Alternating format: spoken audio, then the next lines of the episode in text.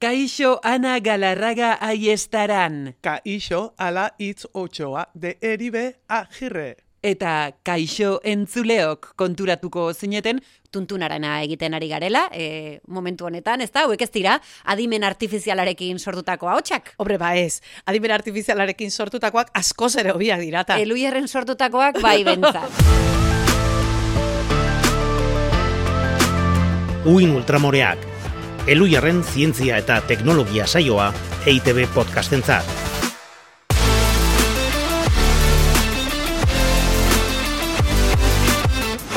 Hemen gaituzue atal berri batean, ezur aragizko ana eta alaitz eta egoitz etxe beste aduriz ere, erabat guztiz aragizkoan, ez da? Eta zergati diogu hori, bargi utzi nahi dugulako, uin ultramoreak ez dagoela eginda adimen artifizialarekin. Adimen maiarena, bueno, hori ezabaidagarri izan Bai, daiteke. bai. Baina artifizialetik gutxi dugu. Bueno, gutxi ezkaitezen sartu kontu filosofikoetan, eana, gurea, zientzia eta teknologia dira. Espiritu kritikoarekin eta feministarekin, noski.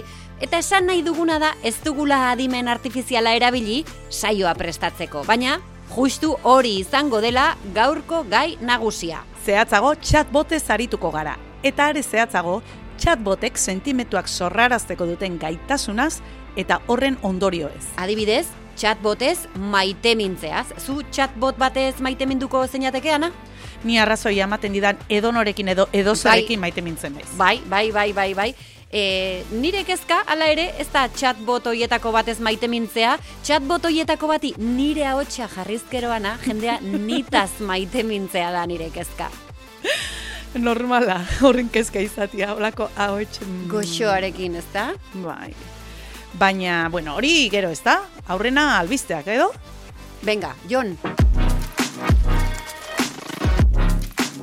Albizteak,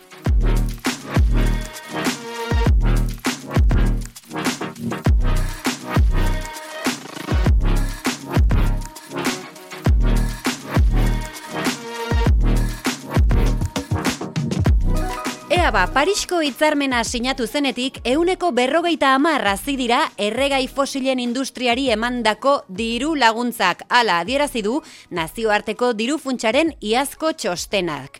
E, 2000 eta amabostean sinatu zen Parisko hitzarmena berotegi efektua geldiarezteko helburuarekin. Eta helburu hori betetzeko ezinbestekoa da ba, erregai fosilak, ikatza, petrolioa eta gasa erabiltzeari ustea. Hoi etxek bai dira e, berotegi efektuko gasen jatorria. Baina, COVID-19aren ondorengo azkartze ekonomikoak eta Ukrainako krisiak helburu horren kontrako erabakiak hartzera eraman ditu hainbat gobernuana. Ba bai, behin eta berriz ikusten ari gara nazioarteko hitzarmenak, paktuak eta akordioak paperean geratzen direla, eta hemen ez dela zer gertatzen. Ez, eta gainera ez ezaguna aztu, gas isuriak apaltzeko Parisko hitzarmenak jasotzen dituen neurriak ere, ez direla lotesleak, hortaz, ba, ba horretan gelditzen hor dira, gelditzen dira. paperean. Alare guk ezin dugu etxi eta badira albiste honak ere. A ber, ba. bueno, ezakit.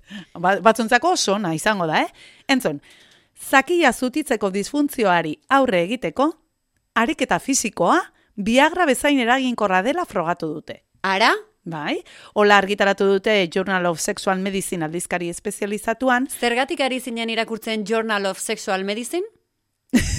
ba, bueno, ba, Aldizkari zientifiko guztiak ikaste, eh, irakurtzen dituzte. Claro, claro, claro, Ah, vale, claro. vale, vale. Barkatu. Jarrai mesedez. Ba, hoxe, e, aurretik aurkitaratutako ikerketen berrikuspen bat egin dute zientzialariek eta ondorioztatu dute astean hiru egunez. Eta egun bakoitzan, hogeita mar minutu gutxienez, ariketa fisiko aerobikoa eginezkero, funtzio kardiobaskularra hobeto egiten dela, eta biagrak bezain emaitza onak ematen dituela, zutitzeko disfuntzioa dutenetan. Ariketa aerobikoa, nik pentsatzen nuen ariketak izango zirela, ba, zoru pelbikoa lantzeko ariketak, ezta? Emakumeok egiten ditugun kegel famotu hoiek bezala, adibidez? Bani seguru nago, zoru pelbikua indartuta izatea oso ona izango dela baita, ba, Baita. honetarako ere, seguro. Baina kasu honetan, ariketa fisiko aerobikoari begiratu diote, Bai. eta adibide gisa jarri dituzte esaterako korrika egitea edo bizikletan ibiltzea. Bizikletan ibiltzea, ba, ez nuke esango bizikleta denik, ez da, kirolik egokiena, zutikortasuna hobetzeko, ana, nik uste nuen, eserleku horrek, ba, xisko eginda uzten zuela hankatartea. Ja, ja, baina a- aztian hiru egun eta egun bakoitzean hogeita mar minutu ez da inbeste denborare. Bueno, eta izu, reklamazioa badakizu zaldizkaritara, ez da? Journal of Sexual Medicine. Ah, bueno, gero eskatuko dizut, eh, no reply abildua Journal of Sexual. Ea ba, urrengo atalera pasako gara. Egunero ikasten da zerbait.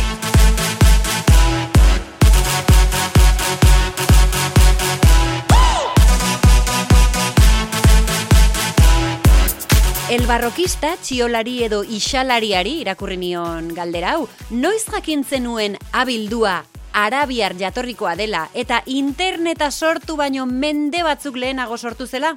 Noiz jakin nuen, oantxe bertan zuk esan diazulako? Claro, Ka, egunero ikasten bai da zerbait. egunero ikasten da Ba, zerbait. kontatu zerbait geixo, alaitz. Nik ere enekien, eh? Ni oso harrigarria egin zait, abildua ikustea, ba, aspaldiko pergamino batean, Ja. eh, arabierazko beste karakterekin batera. Baina berez, abilduaren ikurra, gaztelaniaz arroba deitzen den hori, arabieraz arrub deitzen da, volumena neurtzeko magnitude unitate bat da. Hain zuzen, kintal baten laurdena. Izan ere, arabieraz arrub horrek laurdena esan nahi du Jo, baserri munduan oraindik ere erabiltzen dela esango nuke eta harri jasotzaileen artean seguru euskaraz arroa esaten diogu horrela bai, ezta? Olentzerok edan omentzun amar arroko zagia. Ba, orain, imaginatu olentzeroren zagia abildu batekin. Amar, abildu. Aizu, ba, pila gustatu zait egunero ikasten da zerbait atalerako, eh? Baietz. Bai, nik ekarri dut beste zerbait, agian oso jakina dena, baina egongo da baten batez duena jakingo, eta, bueno, nik, nahiko interesgarria iruditzen zait. Ta da, laika txakurraren historioa. Ah, Dano dakigu, ez da, lurra orbitatu zuen lehenengo animalia izan zela, baina igual ez dain jakina nola hiltzen.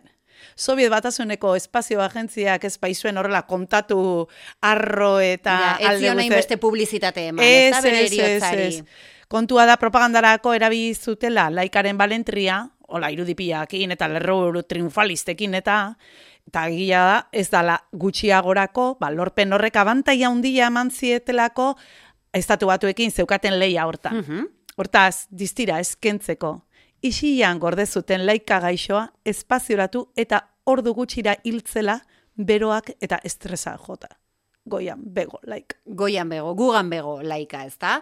E, bueno, gure belaunaldikoek, egoaldekoek behintzat, igual mekanoren kantari esker ezagutuko zuten laita, laikaren historia, ez da nola zan? Y se llamaba Laika. Ella era una perra muy normal. ¿Y quién no? ¿Quién no? ¿Está? Perra o normal.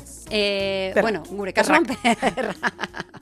Normal baino gehiago. Bauain entzularen ekarpena. Gaurkoan, Iñaki Zantz azkuek jakinarazitako kontu bat ekarriko dugu ona. Pila bat, ekartzia dauzkagu egia esan, eta Bai. egunero zerbait ikasi baino gehiago ez. Egunean hainbat aldiz zerbait ikasi daukagun Iñakirekin, baina ba, bat aukeratu dugu. Eta zein aukeratu ezu? Ba, begira, txantxiko arruntarena. Txantxiko arrunta neiko arrunta da. Apoa da, txiki xamarra, marroxka, baina Europako aporik zaharrena da. Eta gainera, inakik dioenez, zaintza erdigunean jartzen du. Ara? Ba, Eta hortan pentsatu, ba, hoxe karri berko dugu, A ez? ber. Eta zergatik handio hori inakik? Ba, inguruko beste anfibiok ez bezala, arrautzak, hola, ipurdi bizkar gainean eramaten dituelako multzoan bilduta. Ah, ikusitan hau irudi hori? Bai, Ah, enekin hori txantxiko, edo hori apodan egiten dute? Ez. Bueno, inakiri galdetuko hau diogu. txantxiko arruntak egiten du. Ah, behitu. Bai, bai, bai, eta bere berezitasuna da. Ah, Eta zertarako eramaten ditu hor, ba, ondo babestuta ukitzeko, eta batez ere, ondo ezetuta ukitzeko. Eramaten ditu gau ez putzura eta han bustitzen ditu, eta egunez ere eguzkitik aparte ibiltzen da, eta sartzen da harri azpitan eta itzaleko lekuetan ez lehortzeko. ah, ba, asko mimatzen ditu bere, Bai. bere arrautzak. Eta ja ikusten dunean ja jaiotzea doazela, ba, putzura eramaten ditu, eta antxe jaiotzen dia. Eta hau dana gainera, zein ikusten dezu egiten duela, alaitz. Arrak, ala emeak. Ah, bueno, eh, ondo egi ezagutzen zaitutana, emea balitzetzen idake galdetuko, ez da orduan esango dut, arra arduratzen dela arrautzak karriatzeaz eta zaintzeaz. Ba, hoixe, eta hoi dena eta gehiago ikasi deu, Iñaki Zantzazkoeri esker. Zuk ere entzule maite hori zerbait jakinarazi nahi badiguzu, kontatu lotxi gabe, eh? Hombre, lotxari gabe, animatu zaitez, zue, zure ekarpena egitera, ba, sare sozialen bidez, inakik bezala, edo uin ultramoreak abildua eluiar.eus elbide elektronikora idatzita. Eta orain ja, ba, chatbotez hitz egiten hasiko gara, ez da, Ana? Hori da. Uin ultramoreen begirada.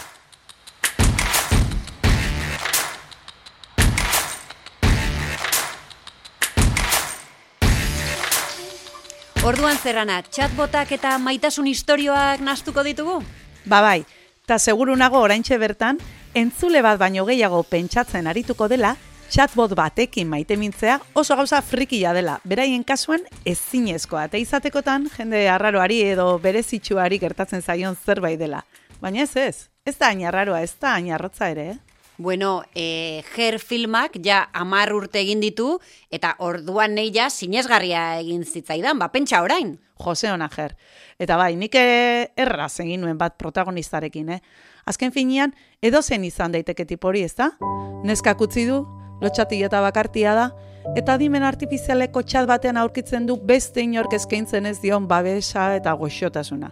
Eta pixkanaka, bai, ja konturatu gabe, txataraekin maite mindu egiten da, ba, pertsona batekin maite minduko zen bezalaxe. Hori da, orduan zientzia fikzioa zen, baina geroztik adimen artifizialeko idazketa eta hizketa programek sekulako garapena izan dute eta solasaldi naturalak izateko gaitasuna ez ezik emozioak sortzeko almena ere lortu dute. Nik egia esango izute, berez ez zait iruditzen nahin gauza zaia. Jakinda nolakoa gean, atera kontuak. Gaigera garbigaiua pertsonifikatzeko eta arekin azerretzeko, esan digulako Bai. bost minutu falta zaizkiola bukatzeko, eta bost minutu hie pasatzen dianean, derrepente ze jartzen dut, zazpi minutu falta diala. Ba, ja hor ja, bueno, iraindu eta presaka baldin manabi, baita jotzerare Bai, bai, bai. iristeko gain naiz, orduan. Personifikatu egiten dezulako, ez da? Uste Claro. dezulako naita ari dela zuri- fijo. zure, zure bizitza atzeratzen. E, tamagotxiarekin ere gogoratuko zarete, ez da? Maskota virtual bat zen, txikia eta erraz eramatekoa, eta erabiltzailearen egitekoa zen ura zaintzea eta haren beharrak betetzea, ba, jaten eman, garbitu, gaixotuzkero ba, botikak eman, e, erabiltzailearekin oso elkarrekintza xumea zeukan tamagotxiark, eh? etzen bat ere sofistikatua, eta hala ere, batzuek erlazio estua garatzen zuten tamagotxiarekin, eta benetan tristetzen ziren, ba, tamagotxia hiltzen zitzaienean, ondo zaintzen ez zutelako. Errudun sentitzen zian. Bai. Hori ere begiratzeko kontua da, eh? Ba bueno, berez tamagotxi belaunaldi bat baino gehiago izan dira, baina lehenak duela hogeita bost urte atera ziren. Ordutik, adimen artifizialeko eta ikasketa automatikoko programek sekulako aurrerapena izan dute, eta orain gai dira elkarrekitza pertsonalizatua izateko eta sentimendu sakonenak sortzeko.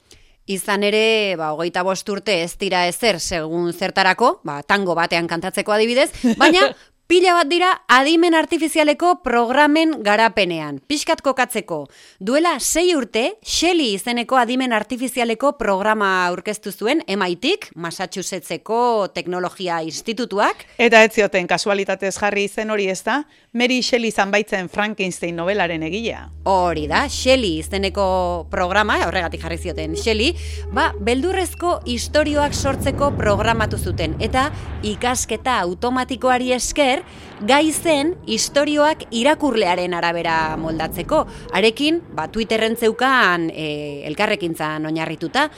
Garatzaileen helburua programa hobetzea zen batetik eta bestetik probatzea adimen artifizialak baote zeukan emozioak sortzeko ahalmena. Sei urte geroago, bigarren helburu hori jada gainditutzat eman daiteke. Garbi baitako, adimen artifiziala badela gai, emozio eta sentimendu sakonenak sortzeko. Horren adibidea argia da, gero eta jende gehiago kaitortzen duela txatbotarekin maite mindu dela. Eta ez da harritzekoa, ez da? Ba, Baita zure hau txauki gabe ere, eh? Bueno, eta nirea daukanean, ba, pentsa. Baina nola ez zara maite minduko, entzun nahi duzuna esaten dizun horrekin. Hoiz esaten humanik. Zure asmoak, zure nahiak, zure desirak aurre ikusten ditun batekin. Atzo esandakoa gogoratzen duen Epa, batekin. epa, epa, hori gauza ondia da gero. Imaginatu, eta e, esandako horretan oinarrituta, hitz berriekin belarriak lastantzen dizun horrekin, Ana. Ba, klaro, garatzaile gainera gaur egungo bakardade izurriteari aurre egiteko tresnatza saldu dute. eta ukaezina da eraginkorra dela. Jendea maite mintzera iristen da, naiz eta jakin, programa informatiko bat dela. Ez da, pentsatzen dutela pertsona daula. Ez ez, ez, badakite. badakite. Hori da. Bueno, baina hori, eh, zuk ze- zenbat aldiz dakizu, aurrean daukazuna, gilipollas dela, eta hala ere, maite mintzen zara. Badakizu, bai, Ai, baina, amiga. txika, txika. Bueno, erabiltzailearen sentimenduak alde batera utzita, ba, ikusi beharko da albondori horik ba ote duen. Pertsona bakartiak are gehiago bakartzeko arriskua ere ikusten baitiondik. Eta gainera ez dago edonoren eskura ordainpekoa baita, ba, kapitalismoaren legea badakizue. Ba bai, eraginkortasunari eta albondorioei buruzko ikerketak ez ezik, alderdi etikoarenak ere falta dira. Baina beste alderdi batzuk esploratzeko tresna ere izan daiteke. Adibidez, alabedi irratiko izbide saioan ontasari ginela, jeloskortasuna ikertzeko, igual balioko duela proposatu zuen julen esatariak. Adibidez, programa berarekin maite minduta dauden pertsonek elkarrekiko zer sentitzen duten jakiteko. Bintzat, horretarako erabiltza pertsonak erabiltzea baino etikoagoa bada, ez da? Bai, Hala, bai, Mateu? bai, bai, hori hortako bai. E, gainera, gogatzezea ger pelikularen bukaeran, tipoa konturatzen da, ezta? Metroan Bai. doazen gizon guztiak, e, Scarlett Johanssonen ahotsa entzuten ari direla. Alegia, berak maite duen adimen artifizial horrek polimaitasuna praktikatzen duela. Ba ez dakit inon harikote diren jeloskortasunaren ikertzen, baina Lena Matutek eta bere taldekoek egin dituzten ikerketetan adibidez, frogatu zuten ligatzeko aplikazioetako adimen artifizialeko programek eragina daukatela bikotekidea aukeratzean. Gehiago fidatzen gara adimen artifiziala gomendatzen digunaz, guk aurrez ditugun irizpidez baino. Bueno, baino naiz harritzen, eh? Ni ere gehiago fidatuko nintzateke adimen artifizialaz nire irizpideaz baino, atzean daukadan kurrikuluna ikusita. Ja, baina gauza bera gertatzen da hauteskundeetan botu ematerakoan, eta hori zure kurrikulum ma- maitasunezkoa baino serioagoa da. Zuretzat. Ah, bueno, bai, hori ere bai. Baina, bueno, ez hori bakarrik. Jakinda ere adimen artifizialeko programek isuria dituztela, isuri horiek kutsatzen dizkigutela ere frogatu dute. Ta hori ikusteko esperimentu bat egin dute, eta jarri dute ba, e, diagnostikotan ze gertatzen den, ez? Adibidez, ba, larrua zalaiko minbizia. Eta jarri dituzten batetik medikoak begiz egiten dutenak diagnostikoa, eta bestetik hoiek berak lagunduta adimen Adimen artifizialeko artifizial, programarekin. bai. Baina badakigu adimen artifizialeko programak isuria daukala eta gehien bat edaten duela larruazal zurietan azaltzen diren sintomaetatik eta orduan larruazal beltza edo iluna daukaten pertsonekin Akatsa akatsa ematen du. Ba, adimen artifiziala erabili zuten medikuek akatsoiek barneratu egiten dituzte. Hain zineztuta daude, hobeto egingo duela programak beraiek baino, Alegi, aldez aurretik ondo egiten zuten Bai. diagnosia eta adimen artifizialaren laguntza jasotzen azizkero, hori da. akatxo hori bera egiten hasi ziren eta e, larrua zalbeltzak okerrago diagnostikatzen. Hori da, hori da, hori da. Ikaragarria. Ikaragarria izan ere beti uste dugu teknologia infaliblea dela, ez da? Akatsi gabea, neutroa, baina ez noski. Guk sortzen dugu teknologia hori beraz gure isuriak eredatzen ditu eta orain ikusi dute, ba, guk ere haienak geure ganatzen ditugula eta horrela, ba, espiral perbertsoa sortzen da. Horregati dain beharrezkoa garapen fase guztietan begiratzea ea isuriri badagoen eta aurre ikustea zer egin horiek zuzentzeko. Eta noski, ikerketa taldeetan dibertsitatea txertatzea ere ezinbestekoa da. Zenbat eta ertz ezberdin gehiagotatik begiratu, orduan eta ikuspegi osoagoa lortzen baita. Hori beti esaten dugu. Ba bai, eta momentuz, ba, gea bat ere ondo ari hortan, ez da laitz. Ez digutelako kasorik egiten, Ana, Hoxe. ez dakiz ari den gertatzen. Hori e, frogatzeko bidatu emango ditut. Munduan, e, adimen artifizialean lan egiten duten pertsonen euneko hogei baino ez dira emakumeak, alegia amarretik bi bakarrik. Eta beste datua, adimen artifizialaren erabiltzaileen euneko hogeita amar baino ez dira emakumeak. Eta horren ondorioak agerrarazteko beste bidatu emango ditut nik ja bukatzeko. Batetik, adimen artifizialarekin sortutako irudien euneko larogeita amasei pornografikoak dira eta baimenik gabe sortuak izan dira. Buah, Eta bi, biktimen euneko larogeita emeretzi emakumeak dira. Eta horretaz guztia elikatzen diren programekin maite mintzen gea gero. ba pentsa. E, egia da gai honek askorako ematen duela, gu adibidez ez gara lege kontuetan sartu, eta beitu, aprobetsatuko dut, ba, podcast bat gomendatzeko gaian sakondu nahi duenarentzat. Revista 5W-en podcastaren azken atalean, gaztelaniaz, adimen artifizialaren erregulazioa zaritu dira, ba, besteak beste, baita ere orain e, adimen artifizial sortzaileak nola erabiltzen dituen, ez da, emakumeen e, irudiak eta bar. Bueno, gai horreta zaritu dira, oso interesgarria iruditu zait, eta bueno, pues, nahi duenak hori ere badauka entzuteko. Eta justu irudi pornografikoak sortzeari buruz eta horretan aritu ziren baita berria FM-eren atal batean. Baita ere. Adimenak min izeneko atalean, eta hori ere oso gomendagarria ez nik ere parte hartu nuelako, eh, benetan, entzun. Oso ondo, ba bueno, gu ja azken atalera pasatzeko prest gaude, ezta? Prest! Egia, gezurra, ala ez dago nahikoa evidentzia.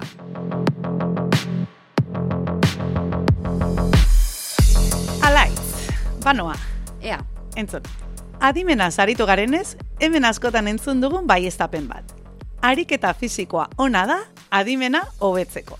Zesateiaz. Beitu, e, ariketa fisikoaren onurekin pixka bat obsesionatuta zaude. Esan behar dizuet, ana orain gym bro bat bilakatu dela, ariketa fisiko Bai, bostaliz naiz. Bost aldiz, astean ez, eh? Bost aldiz guztira. Joan da, baina hala ere, egiten ari da ariketa fisikoaren Bai, bai, proselitismoa. bai. Claro, claro, ni jakin nuenetik menopausiaren sintomak prebenitzeko eta arintzeko eh, ezinbestekoa zela gainera. Ariketa apuntatu fisiko zinen. Indarrezkoa egitea, ba, bueno, apunta hoi nitzan borondatea.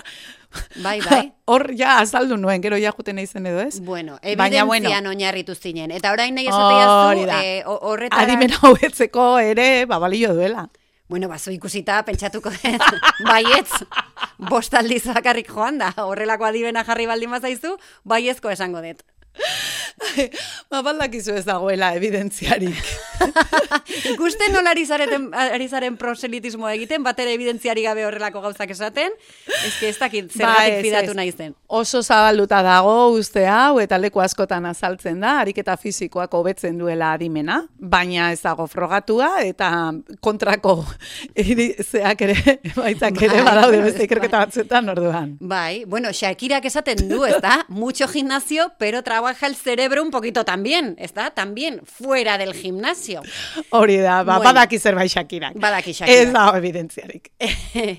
Osasunarekin zerikusia duen beste afirmazio bat. Pantailen argi urdina iragazten duten betaurrekoak edo filtroak jantzizkero begiak babesten dira eta gainera hobeto egiten da loana. Bai ez, hor, em, argi urdin horrek ez du uzten melatonina sortzen, eta melatonina e, beharrezkoa dugu ba, loa erregulatzeko Bai. eta lo egiteko, eta horretan laguntzen dute beta horrekoiek, ez? Hori Bueno, egia da dudanik. argi urdinak eta oroar argi guztiek, baino e, ba, mo, e, oian zaudenian, mobilakin zaudenian, argiak zuzen zuzen ematen dizula begitan, eta horrek eragozten duzuk melatonina sortze eta lo ondo egitea. Ordun hori egia da, baina filtro hoiek, e, garai batean ordenagailuen pantalla guztietan Bai. ezta? Bigarrengo pantalla bat Bai. bezala filtro bat argi urdina iragazten zuela eta hori dana gezurra da, ez dago evidentziarik esateko horrek ba besten beta horreko zaituela. hiek iruzurrutxa direla. Hori da, reklamo komerzial badia, besterik Vale, ez. vale.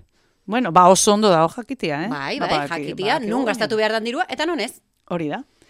Ba, nik ez daka honekin zerikusirik, eh? baina botako dut eta ea zer esaten didazun. Erregistratu den olatorik altuenak bosteun metro baino gehiago neurtzen zituen. Bosteun metro?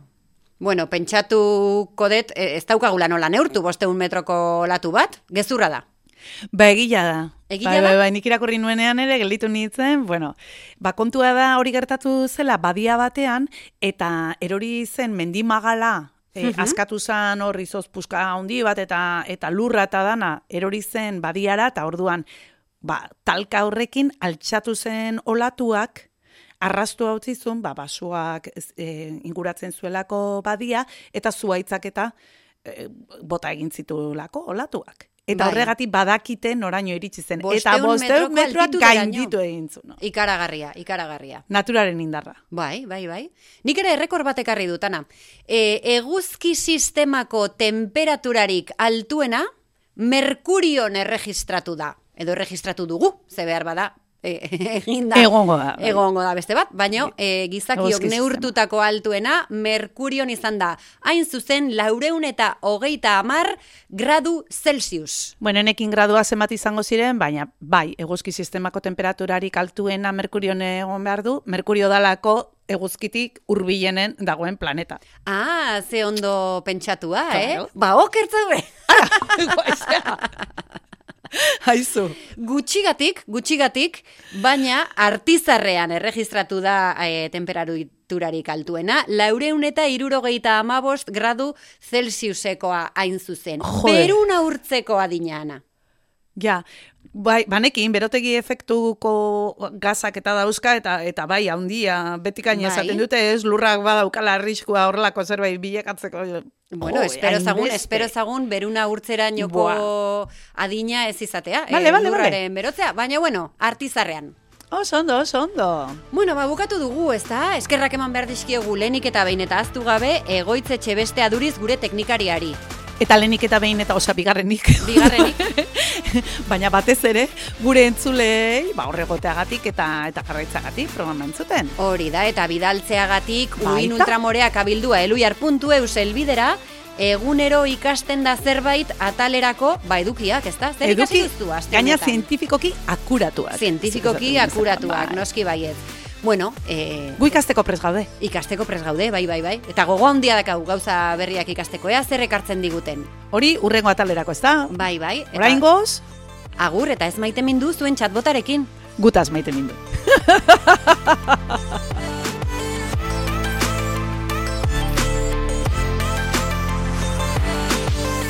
Uin Ultramoreak podcastaren atal guztiak EITB podcast atarian topatuko dituzu. Eluiaren zientzia.eus webgunean eta ohiko audio plataformetan.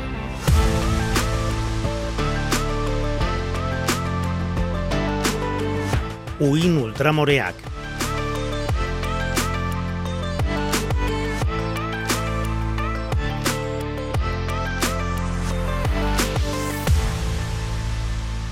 Oso ondo. Bikain. Bai, bai.